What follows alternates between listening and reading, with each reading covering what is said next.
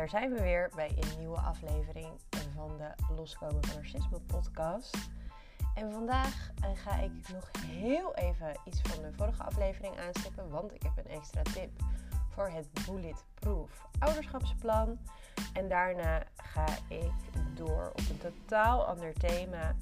En dat is uh, het super, de super ongemakkelijke fase waar je in kan komen als je merkt dat je oude patronen niet echt voor je werken. Dus ik heb het al eerder gehad over die vier kwadranten. Dat je dus in bewust onbekwaam komt en langzaamaan naar bewust bekwaam kan gaan. Maar dat is dus een fase die, uh, waar je heel erg lief voor jezelf mag zijn. En waar ik nog een aantal inzichten over wil delen. En ook het feit, stel je gaat nieuwe gedragingen proberen, hoe dan weer jouw sociale cirkel hierop reageert. Want in mijn boekje Een goed voorbereid mens telt voor 10. um, ehm, en ik gun jou natuurlijk het doorzetten van het creëren van gezonde gedragingen en niet teruggaan naar een oudere versie van jezelf. Dus daar gaan we het vandaag over hebben. Dit is de Loskomen van Narcisme podcast. Ik ben Lot, Lot Anne, narcisme coach en basispsycholoog. En ik hou van deze twee uh, elementen van mezelf. Want psychologie vind ik super interessant. Ik heb ook uh, psychologie gestudeerd. En narcisme is iets wat ik daar bovenop totaal uh, als een soort los nieuwe studie ben gaan studeren. Ook al bestaan er weinig boeken over. Dit heb ik vooral zelf gedaan. Dus psychologie heb ik echt in de schoolbanken aan de universiteit geleerd. En narcisme heb ik meer in mijn eigen leven geleerd. Uh, proefondervindelijk dus, maar ook zeker twee jaar narcisme-studie gedaan in een soort zelfgecreëerde studie. Hoe dan nou, door zelf gespecialiseerde coaches op narcisme te vinden. Wat een moeilijke weg was, kan ik je vertellen. Maar ook um, het hele internet uitgepluist, van YouTube tot wetenschappelijke artikelen onderzoeken. Er zijn niet superveel, maar toch wel wat onderzoeken ook gedaan naar dit onderwerp. Um, en uh, nou ja, echt van huistuin en keuken dingen tot aan uh, de echte literatuur. Maar omdat er weinig echte literatuur over narcisme te vinden valt, heb ik dus ja, een, uh, een zeer diverse combinatie van informatie voor mezelf geregeld. en ook natuurlijk alles nog even getest of het ook echt klopt. Want er is ook een hoop onzin te vinden over dit onderwerp. Um, en ik heb nu het gevoel heel veel te weten over deze zeer specifieke, speciale persoonlijkheidsstoornis, genaamd narcistische persoonlijkheidsstoornis. Weinig mensen weten echt van A tot Z hoe het in elkaar zit, omdat ze zelf die persoonlijkheidsstoornis niet hebben, of ze hebben hem wel, maar ze snappen het zelf niet, of ze willen het niet uitleggen. Um, dus daarom is het voor heel veel mensen tasten in het duister. Dat is het voor mij in het begin ook geweest. Um, maar ik, uh, nou, ik ben natuurlijk zelf, ik ben ook niet de holy grail. Ik kan echt niet zeggen dat ik nu alles weet, want dat weet je in mijn boekje, weet je nooit alles. Gelukkig maar, mensen is nooit uitgeleerd. Maar ik heb wel het gevoel uh, dat ik echt veel weet over deze persoonlijkheidsstoornis. Hoe het werkt daarbinnen en daarmee uh, hoe jij ook situaties kan voorspellen, maar ook hoe jij jezelf zo gezond en fijn en snel mogelijk uh, kan verwijderen uit situaties waar jij of je kinderen niet gelukkig in worden of zelfs wat schadelijk zou kunnen zijn. Dus die twee petten heb ik op en dat vind ik super leuk, uh, omdat ik hou van, ja, uh, hoe noem je het? Nou, tegenstrijdigheden. Het is niet eens heel tegenstrijdig, psychologie en narcisme natuurlijk, maar het zijn wel twee als je het mij vraagt, twee uit elkaar liggende topics nu nog vaak. Gemiddelde psycholoog weet namelijk niet super veel over deze specifieke kwestie. Dus het voelt voor mij als twee totaal losse thema's die ik probeer te combineren. Zo goed, zo kwaad. Want standaard psychologie is natuurlijk ook weer heel erg belangrijk. Uh, hechtingstijlen. Hoe komt het dat je voor iemand met narcisme valt. Uh, wat heeft dat dan weer met je jeugd te maken? Dat is natuurlijk, zit natuurlijk weer heel erg in de psychologie verwoven. Dus niks vind ik leuker dan deze twee super waardevolle constructen aan elkaar te koppelen en dit weer te verpakken in hapklare brokken, zodat jij er weer wat mee kan. Dus dat ben ik. En uh, nou, je hebt het al gehoord in de intro waar we het vandaag over gaan hebben. Ik start gewoon met die, met die tip over dat bulletproof ouderschapsplan. Ik zei al, als ik goede tips krijg, ga ik ze gewoon delen. Nou, je raadt het nooit. Ik heb natuurlijk weer tips gekregen. Nou ja, eigenlijk één die ik echt wil noemen vandaag. En uh, we hadden het al eerder in het Bulletproof ouderschapsplan. Stel je hebt deze aflevering niet gehoord en je mag binnenkort of je zit nu midden uh, in ouderschapsplan schrijven. Luister dan vooral de vorige aflevering, dat is volgens mij nummer 24. Um, maar ik heb nog één toevoeging uh, op dit ouderschapsplan. Uh, advies. Nogmaals, je hoeft mijn advies nooit letterlijk op te volgen. Ik deel gewoon ervaringen en tips. Het is natuurlijk aan jou om die even aan het licht te houden en te bedenken: is dit waardevol in mijn situatie? Gaat mij dit wat brengen? Dus ik probeer ook altijd mijn achterliggende, de achterliggende theorieën of uh, hoe noem je het? De background ervan te delen, zodat jij zelf kan snappen: is dit waardevol voor mij of niet. Um, en een van die tips is um, tot in de vergetelheid, nee, tot je jongste kind 18 is, de zomervakanties plannen.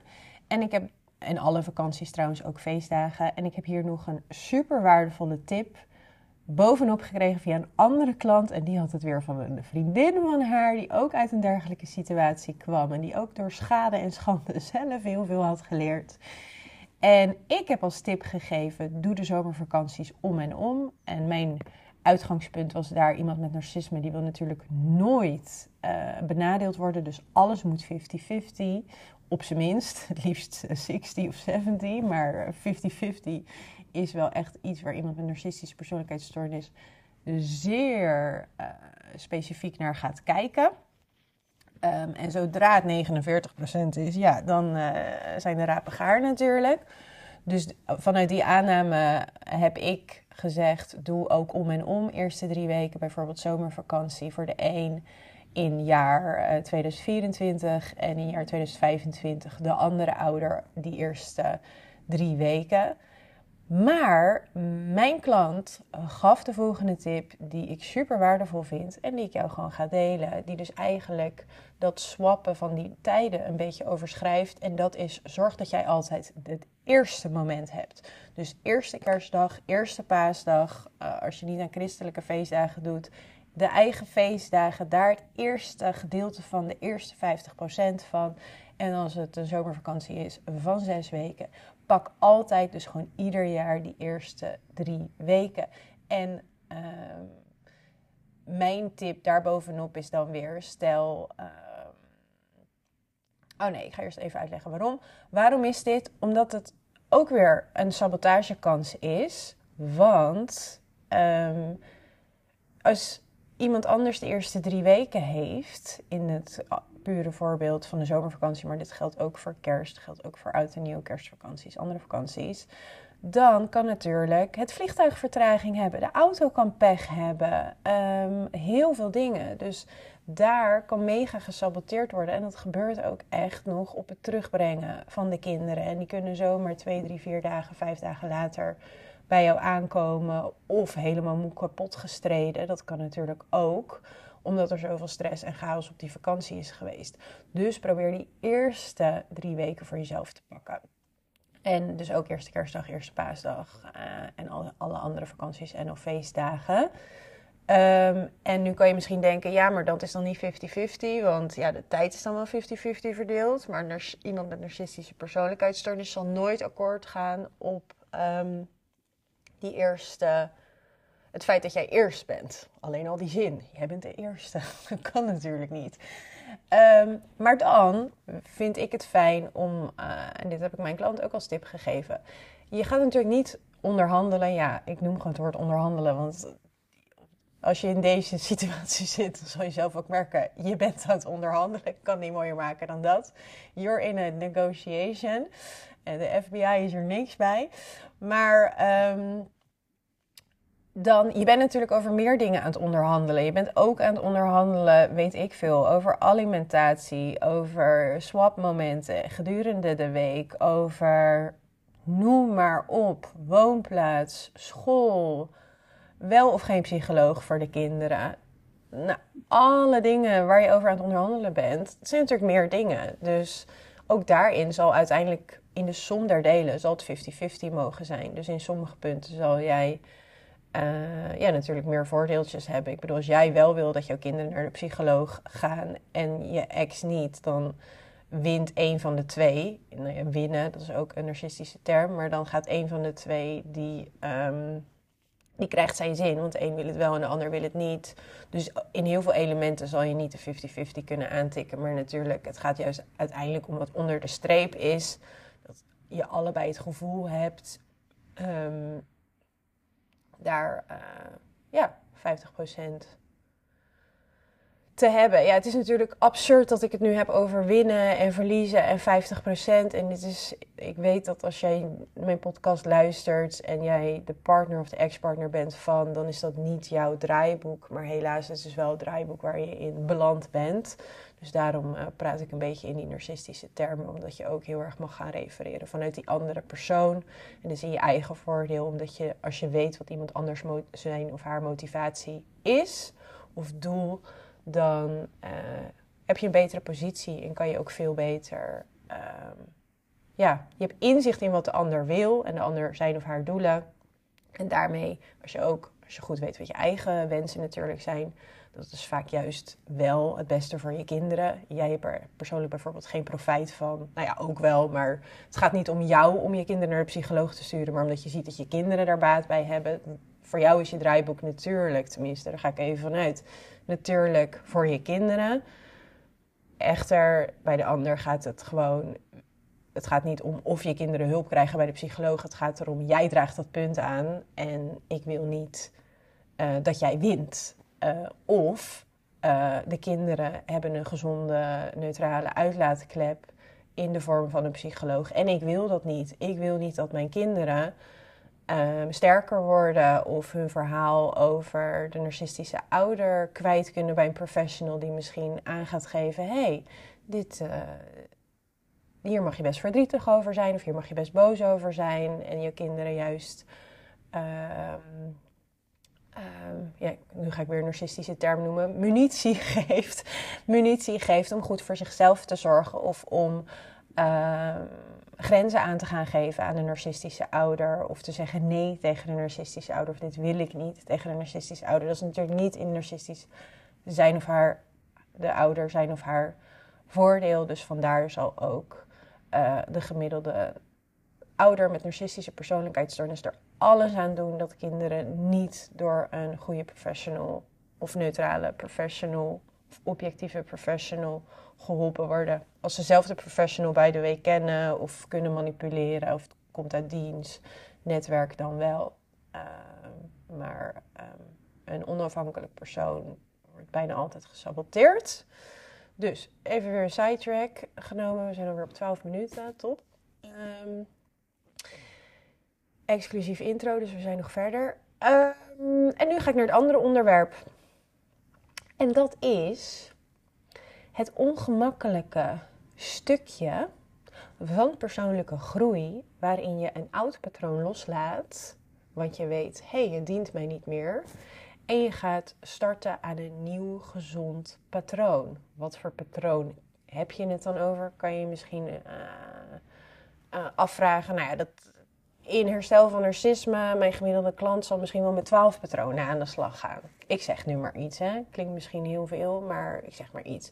Bijvoorbeeld pleasing, codependency, het feit dat je geen grenzen hebt, het feit dat je meer dan 50% geeft altijd, dan dat je terug ontvangt, niet hulp durven of kunnen vragen.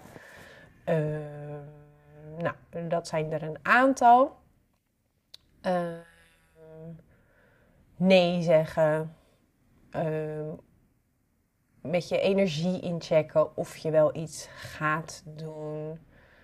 Uh, de grijze steenmethode oefenen. Nou, verschillende dingen. Het zijn gewoon nieuwe gedragingen en vaak op basis van oude patronen die je dus los wil laten.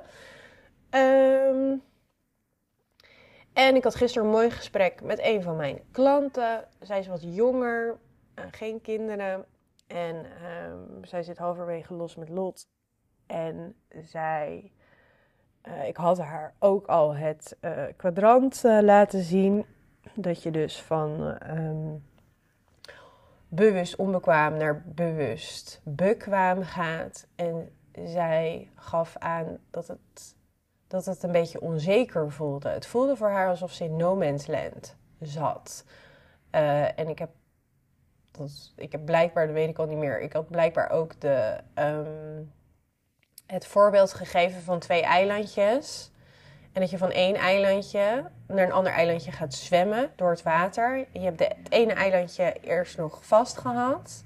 En dan, ga je en dan ga je naar een ander eilandje. Maar tussendoor moet je even gaan zwemmen. En dat is dus even zonder dat je land vast hebt. En zo ervaarde zij dat ook. Dat ze, ze had nog geen nieuw patroon te pakken of nog geen zekerheid. Van ze, wist wel dat ze een oud patroon wilde loslaten. Oké, dat wil ik niet meer. Maar het nieuwe patroon was nog niet geïnstalleerd. En ze had ook nog niet heel veel bevestiging. Dat is natuurlijk een super belangrijk element. Nog niet heel veel bevestiging los van het feit dat ik zei: dit, dit, dit kan jij en dit zal waarschijnlijk heel veel positiviteit voor je opleveren. Maar ze had zelf nog niet de bevestiging in haar realiteit dat het echt het juiste was om te doen. En dat is voor haar, gezien haar onderstroom van um, in controle te willen zijn, ook al is het geen controle, in controle te willen zijn. Um, dat mensen haar aardig vinden. Um, pleasing. Ook mensen niet kwijt te willen raken. Ook uh, bang om mensen af te stoten. Nog, nog niet een tip-top zelfbeeld. Dus ook nog een beetje aan het twijfelen of ze het wel allemaal helemaal waard is. Nee, dat is natuurlijk. Dat zijn, als die ingrediënten niet de 100% nog aantikken, dan is het eigenlijk ook heel eng om een nieuwe gedraging aan te leren. Want je wordt nog niet direct beloond in de buitenwereld voor die nieuwe gedragingen. Dus je hebt nog niet echt direct die feedback loop van hey, wat ik nu aan het doen ben is helemaal fantastisch. Sterker nog, soms als je nieuwe gedragingen gaat aanleren en nou ja, ze zit niet voor niks bij mij het Los met Lot programma. Ze had één of meerdere narcisten in haar leven en dat was voor haar dat is voor de meeste mensen de katalysator om bij mij in het programma te stappen.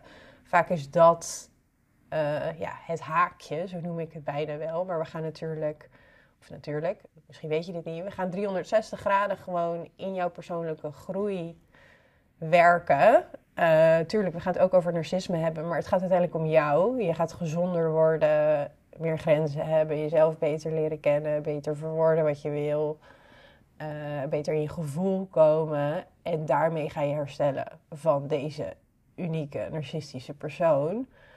Maar het voordeel en het nadeel is dat als je dus super gezond gaat worden, dat doe je niet op alleen ten opzichte van die ene persoon die je los wil laten. Dus dat is het cadeau. Je laat die persoon los. Top, blij mee, fijn. Maar die groei die is niet selectief. Je gaat die groei 360 graden meemaken. Dus je gaat ook die groei in je vriendschappen, in je werk, met je familie. Als je los met lot stapt voor je, voor je ex-relatie, ga je het ook in je familie meemaken. Nou ja, als je in los met lot stapt vanwege je familie, dan ga je het ook bij je liefdesrelatie meemaken. Dus je gaat het 360 graden meemaken. Um, en nou ja, om even terug te gaan naar dat eilandjesvoorbeeld. Je weet dus bijvoorbeeld dat geen grenzen hebben niet voor je werkt. Dus dat eilandje laat je los, maar dan ga je zwemmen. En dan ga je oefenen met een grens aangeven. Stel, je hebt een lange tijd een narcistische relatie gehad. Um, dan heb je weinig grenzen. Die had je al, of dat, die zijn helemaal weggevaagd tijdens die relatie die grenzen, het gebrek aan grenzen, dat is ook 360 graden. Dus het zou heel goed kunnen dat je een aantal collega's of vriendinnen of vrienden hebt die ook, nou ja, heel hard gezegd, gebruik maken van het feit dat jij zo weinig grenzen hebt. Dat ze dat wel lekker vinden. En nog erger, sommige vriendschappen, daar ga je achter komen dat het fundament van jullie vriendschap is dat jij geen grenzen hebt. Want zodra je die grenzen in gaat stellen, willen deze mensen geen vriend of vriendin meer van jou zijn. En dat gaan ze niet op die letterlijke manier zeggen natuurlijk. Dat gebeurt op een andere manier. Ze eh, nemen geen contact meer met je op. Ze verdwijnen plotsklaps van de lijn. Ze hebben geen tijd meer. Er zijn opeens allemaal andere dingen die ze moeten doen. Uh, of ze verzinnen een nonsens reden uh, of ze zeggen, je bent veranderd. Dat is geen nonsensreden, want dat is waar dan. Uh, of een nonsensreden. Uh, waarom ze niet meer die vriendschap aan willen gaan met jou. Ze creëren een nieuwe crisis of een nieuw probleem. En dat probleem of die crisis, dat eh, veroorzaakt dan de zogenaamde, of dat, de zogenaamde breuk. Nou, de breuk is echt, maar dat veroorzaakt dan de breuk. Um, dus, pardon. Jij gaat merken dat ook op vriendschapvlak um, er shifts gaan plaatsvinden op het moment, in dit specifieke geval, maar dit gebeurt bij alle patronen, als jij grenzen gaat instellen. En als jij bijvoorbeeld nog verlatingsangst hebt of niet heel veel eigenwaarde hebt. En je gaat juist eigenwaarde krijgen door deze nieuwe gezonde patronen. Maar die heb je nog niet, want je bent aan het begin van het instellen van deze nieuwe gezonde patronen dan is dat stukje no man's land heel irritant. Want het zou best kunnen dat in jouw sociale omgeving, uh, omdat je dus een gebrek aan grenzen had, er nog wat mensen in jouw situatie zijn die gebruik maken van het feit dat jij weinig grenzen hebt. Dat heb je nog niet helemaal door. Je gaat grenzen instellen en deze mensen um, gaan daar heel moeilijk, zwaar op reageren of komen niet meer op de lijn. Nou, dat kan wellicht ook jouw verlatingsangst triggeren als ook vrienden niet meer bij jou op de lijn komen. En als je dit nog aan jezelf gaat relateren en je, en je eigen waarde hier aan koppelt, dat is natuurlijk funest. En dat zou potentieel zelfs een trigger voor jou kunnen zijn om terug te schieten naar je oude patroon, weer naar het oude eilandje te zwemmen van geen grenzen hebben. Want dan kan die vriendschap weer bestaan. En dan uh, hoef jij niet te dealen met jouw verlatingsangstpijnen. Want ze verlaten je niet. Dus wat ik ook tegen mijn klant zei, en dit was een eye-opener voor haar, um, is nou ja, eigenlijk deze theorie van um, door meer grenzen te hebben, ga jij groeien op de schaal van gezond zijn. In mijn boekje word je veel gezonder. En nu mag je echt, ik was ook met haar, nee, ik zit dan in een Zoom-meeting, dus ik beeld dat dan uit. Dus dan heb je een vierkante Zoom-meeting en dan zet ik mijn twee handen onderaan de, uh, de twee hoeken, rechts en links. En dan wijs ik aan van, joh, uh, heel zwart-wit gezegd, stel je hebt nog superveel ongezonde gedragingen voor jezelf, geen grenzen, dan zit je onderaan. Nou, op dat moment, en dan zit zij rechts, ik zeg maar iets, zij zit rechts, onder. En op dat moment trek jij linksonder, trek jij ook nog heel veel mensen aan die nog wel best wel ongezond zijn. Um, maar als jij dus die schaal omhoog gaat, dus jij gaat van rechts naar boven, dan ga jij, en je gaat dus heel erg werken aan je gezonde gedragingen. je gaat naar de 25, naar de 75% naar de 90 procent. als je naar die 25% gaat en die uh, ene vriendin of vriend um, die blijft hangen op die 0%, dan ga je een beetje een mismatch uh, voelen. En dan gaat deze persoon ook wellicht in het begin jou proberen terug te trekken. Van, hé, hey, doe moeilijk. Vroeger was, al, was je altijd zo chill. En uh, wat doe je nu moeilijk? Je bent veranderd. Wat, voor gekke coach heb jij nou te pakken? Um, of whatever. Uh, je ouders vinden dit ook niet leuk. Uh, die andere vriendin, vindt ook dat je veranderd bent. Wat ben je entitled? Nou ja, je kent ze. Gaat proberen jou ter terug te trekken van die 25% terug naar die 0%. Nou, als dat niet lukt en je gaat door, bijvoorbeeld naar de 50%, uiteindelijk wordt het, wordt, jij, jij blijft die grenzen houden. Dan wordt de mismatch te groot en dan is het dus niet meer mogelijk om um, een vriendschap of wat het dan ook is. Um, te hebben. En dit geldt voor alle mensen. Dit geldt voor, uh, ook voor liefdesrelaties. Weet je, als jij heel erg gaat groeien en die andere persoon niet, dan wordt die mismatch te groot en dan en dit was dus de eye-opener voor haar, op een natuurlijke manier, en dit is dus natuurlijk, op een natuurlijke manier vallen deze mensen dan bij je weg. En dit is dus een natuurlijk proces. En het is oké als je dan rouw of pijn voelt of je verlatingsangst wordt getriggerd. Maar probeer dat dan te zien voor wat het is. Rouw, verlatingsangst, pijn, verlies. Al die emoties of triggers. Maar probeer er ook in uit te zoomen en te zien wat er aan het gebeuren is. Jij bent grenzen aan het installeren. En sommige mensen reageren daar slecht op. En dat zegt heel veel over hun en over de aard van jullie relatie. En over wat zij willen van jou. Zij willen dus die oude versie van jou, die grenzeloze versie van jou.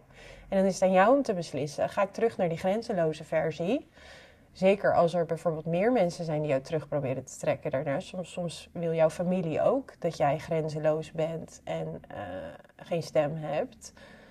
En het is dan heel moeilijk om door te blijven gaan. Um, die schaal naar boven van 0 tot en met, weet ik veel, 90 procent. Maar het mooie is, en dat zei ik ook tegen mijn klant, is, weet je, je gaat die schaal omhoog. En uh, you attract what you are. Dus als jij die 50% aantikt van grenzen hebben, dan ga je op dat nieuwe niveau, zeker als je mensen loslaat of durft los te laten, ga je nieuwe mensen aantrekken die ook grenzen hebben die jouw grenzen respecteren, maar ze hebben zelf ook grenzen. Dus dat wordt een hele nieuwe, gezondere, als je mij vraagt, dynamiek. Als je nog meer naar boven gaat op die schaal, kom je ook weer nieuwe mensen tegen. Die ook allemaal gezonde grenzen hebben. En of uh, geen pleaser gedrag en al die andere dingen. En dat is dus de natuurlijke verloop van dingen. En dat is natuurlijk heel eng dat je kan gaan merken dat wanneer je aan je zelfgroei gaat werken dat soms delen van jouw sociale cirkel gaan veranderen. Dat is heel eng. Maar het is super normaal en gezond en verklaarbaar als je het mij vraagt. En het mooie is natuurlijk ook um, dat mensen die in je leven zijn, die jou altijd al 100% gerespecteerd hebben, waar dus het fundament niet is dat je geen grenzen hebt of dat je meer geeft dan dat je neemt of dat je een pleaser bent. Deze relaties blijven gewoon bestaan. En het is echt schoon schip maken. Het is echt de mensen die jou respecteren om wie je bent, ook al kan je even niks geven bijvoorbeeld. Die, alle mensen die in jouw leven blijven, terwijl jij al die gezonde gedragingen gaat krijgen, dat zijn je ride or die mensen. Dat zijn de mensen die jou echt respecteren. En als en hoe, het maakt uiteindelijk niet uit, in mijn boekje tenminste, of 30% bij je wegvalt, of 5%, of wellicht wel 75% bij je wegvalt. Dat is natuurlijk super pijnlijk, maar het maakt niet uit in mijn boekje, heel plat gezegd. Want die mensen waren er alleen om gebruik van jou te maken. Sterker nog, als 75% bij je wegvalt, is het nog belangrijker. Want dat betekent dat 75% van de mensen energiezuigers waren. En er goed op gingen dat jij geen grenzen had. En gewoon niet meer met jou om willen gaan op het moment dat je gezonde grenzen gaat hebben. Dus wat zal dat met jouw energielevel doen? Als je alle energiezuigers uh, verwijdert. En je 75% mag inwisselen voor mensen die jou gewoon respecteren en jouw energie lekker bij jou laten. En waar je gewoon niet als een, uh, als een lege, leeggelopen ballon uit interacties hoeft te komen.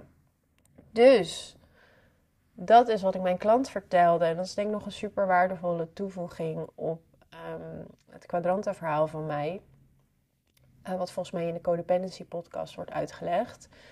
Van dat je dus van um, bewust onbekwaam naar bewust bekwaam gaat. Dat is dus nog even een extra moeilijkheid van het kwadrant 2 naar kwadrant 3. Wat eigenlijk een mega risico is. Dat als je dus merkt dat als je sociale cirkel of bepaalde mensen, hè, let ook op wie dit doet, bepaalde mensen je terug gaan proberen duwen naar die oude versie van jezelf. Uh, ja, dat is gewoon een extra ja, liability, een soort handicap. Dus daarom wil ik je daar even bewust van maken. Dat dat, dat het proces is wat kan gaan gebeuren. Zeker als je in heel veel elementen nog bewust, onbewust, onbekwaam bent geweest lange tijd. Dat je dan sommige elementen um, niet, ja, ik noem dat dan dus positieve feedback. Positieve feedback zou zijn: ik ga nieuw gedrag proberen. En een positieve feedback loop zou zijn: ik ga nieuw gedrag proberen. En iedereen staat te klappen en zegt: Jee, tof, wat goed dat je grenzen gaat hebben. Ehm, en een negatieve feedback loop is: Jeetje, wat sukkel ben jij dat je grenzen gaat hebben. En dat gebeurt nog wel eens, dat je dus die positieve, nou, negatieve bedoel ik, pardon, negatieve reinforcement krijgt. Van dat je eigenlijk het signaal krijgt uit jouw omgeving dat je niet het juiste aan het doen bent. En dat is dus wat ik vandaag aan jou wil overbrengen. Dat dat kan. En dat ik hoop dat jij kan gaan zien wat dat betekent. Wat daaronder ligt. Want eigenlijk is de vuistregel bij alle gezonde gedragingen goed voor jezelf zorgen. Iedereen die jou als mens respecteert, die accepteert het. Die kan het ook misschien wel minder leuk vinden. Hè? Ook gezonde mensen die altijd 85 cadeautjes van jou kregen, die dan opeens geen cadeautjes meer krijgen, die kunnen ook denken: hmm, jammer. Maar als ze jou echt respecteren en het beste met jou voor hebben, dan vinden ze dat helemaal, uiteindelijk helemaal oké. en zeggen ze: Jeetje, ik vind het wel jammer dat ik die 85 cadeautjes niet meer van je krijg. Maar um, good for you. Weet je? Dus dat is misschien ook wel mooi om te zeggen. Ook gezonde mensen kunnen wellicht even moeten wennen aan uh, het feit dat jij verandert. Maar die, die draaien bij. Gezonde mensen draaien bij uiteindelijk. Of die staan meteen uh, op de stoelen en banken te klappen. Of draaien bij. En echt ongezonde mensen die puur in jouw leven zijn om, ja, heel hard gezegd, gebruik van jou te maken. Die zullen niet bijdraaien. Die zullen blijven. Uh, die zullen zelf weggaan. Of die zullen comments blijven maken in een negatieve hoek van dat je veranderd bent. Of dat je niet zo moeilijk moet doen. Dus ik hoop dat je hier weer uh, een extra inzichtje in hebt. En uh, jij weet dus dat ik heel hard bezig ben met het schieten van de Los Academy. Waarin je dus, uh, ja jij, niet wij, jij. Want het is de Los Academy en die ga je zelf doen. Waarin jij, door mij wel, want het zijn wel video's, aan de hand wordt genomen in het dus herkennen van al deze patronen. Ik zei gemiddeld 12. Nee, het ligt natuurlijk helemaal aan jou of je er 5 van de 12 hebt of minder of nog meer. Ik weet niet eens of het er 12 zijn, maakt niet uit. Allerlei patronen kan gaan herkennen bij jezelf en dan echt, nou ja, stupid proof. Ik hou van Jip en Janneke opdrachten. Echt te makkelijk. Want ja, waarom zou ik het moeilijk maken? Heel makkelijke, laagdrempelige oefeningen die, weet je, ik ga je niet meteen next level. Ik, het is geen XXL variant. Je hoeft niet van 0 naar 100 te gaan, want dat kan niet. Heel laagdrempelige oefeningen. Ze starten laagdrempelig. Natuurlijk eindig je wel bij, uh, bij de XXL variant. Maar heel laagdrempelige start, uh, start, starten, starts, starten van dus het creëren van die gezonde patronen. Om het dus ja, om geen stappen over te slaan. Want ook in heel veel therapieën worden heel vaak heel veel stappen overgeslagen van, nou, ga even grenzen instellen. En dan denk je, grenzen, ik weet niet eens wat ik wil.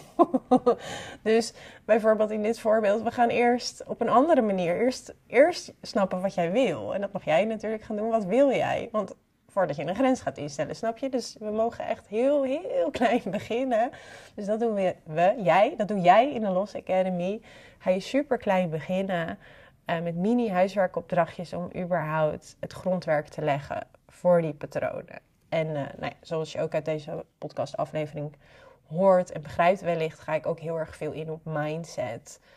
Uh, want ja, we gaan niet alleen die gezonde gedragingen, jij gaat niet alleen die gezonde gedragingen leren. Um, maar ik wil ook het psychologie stukje erbij pakken. Bijvoorbeeld wat ik vandaag bestempel of behandel. Van welke tegenslagen je ook kan meemaken en wat dan de inzichten daarachter zijn, zodat je niet in de standaard sabotage of zelfsabotage valkuilen stapt. Want dat zou ik zo zonde vinden. Want zo zonde als je begint aan zoiets. En uh, doordat je niet voldoende kennis hebt, halverwege stopt. Dat zou zo zonde zijn. Dus ik, doe, ik heb meer dingen in het programma geïntegreerd om te zorgen dat jij het eind haalt. Ook gewoon allemaal e-mails en reminders en leuke tussenstapjes en zo. En beloningssystemen, dat soort dingen. Maar um, ook op het mentale stuk, en die is misschien nog wel veel groter, kan jou, uh, ik kan jou belonen tot ik een ons weeg uh, voor een nieuwe module te halen. Maar het gaat uiteindelijk om het mentale stuk van dat je echt het gevoel hebt dat je het juist aan het doen bent en waarom je aan het doen bent. Dus dat je niet in die mentale zelfsabotageval stapt. Dus dat probeer ik ook in de, of dat probeer ik, nou als je het mij vraagt, dat heb ik in de Los Academy verwoven. Ook de psychologie achter veranderprocessen en de eventuele valkuilen en hobbeltjes die je kan tegenkomen en hoe daar dan weer mee om te gaan. Uh, want verandering is vet moeilijk, vet uitdagend. Um, en het is only for the brave. En omdat jij brave bent, stel je gaat dat doen, wil ik het jou zo makkelijk mogelijk maken. Okido, ik hoop dat je veel had weer aan deze aflevering. Fijne dag. Heb ik nog een vraag te stellen hieronder? Mm, ja, welk patroon wil jij het allerliefste loslaten? Ik hoor het graag. Doei doei!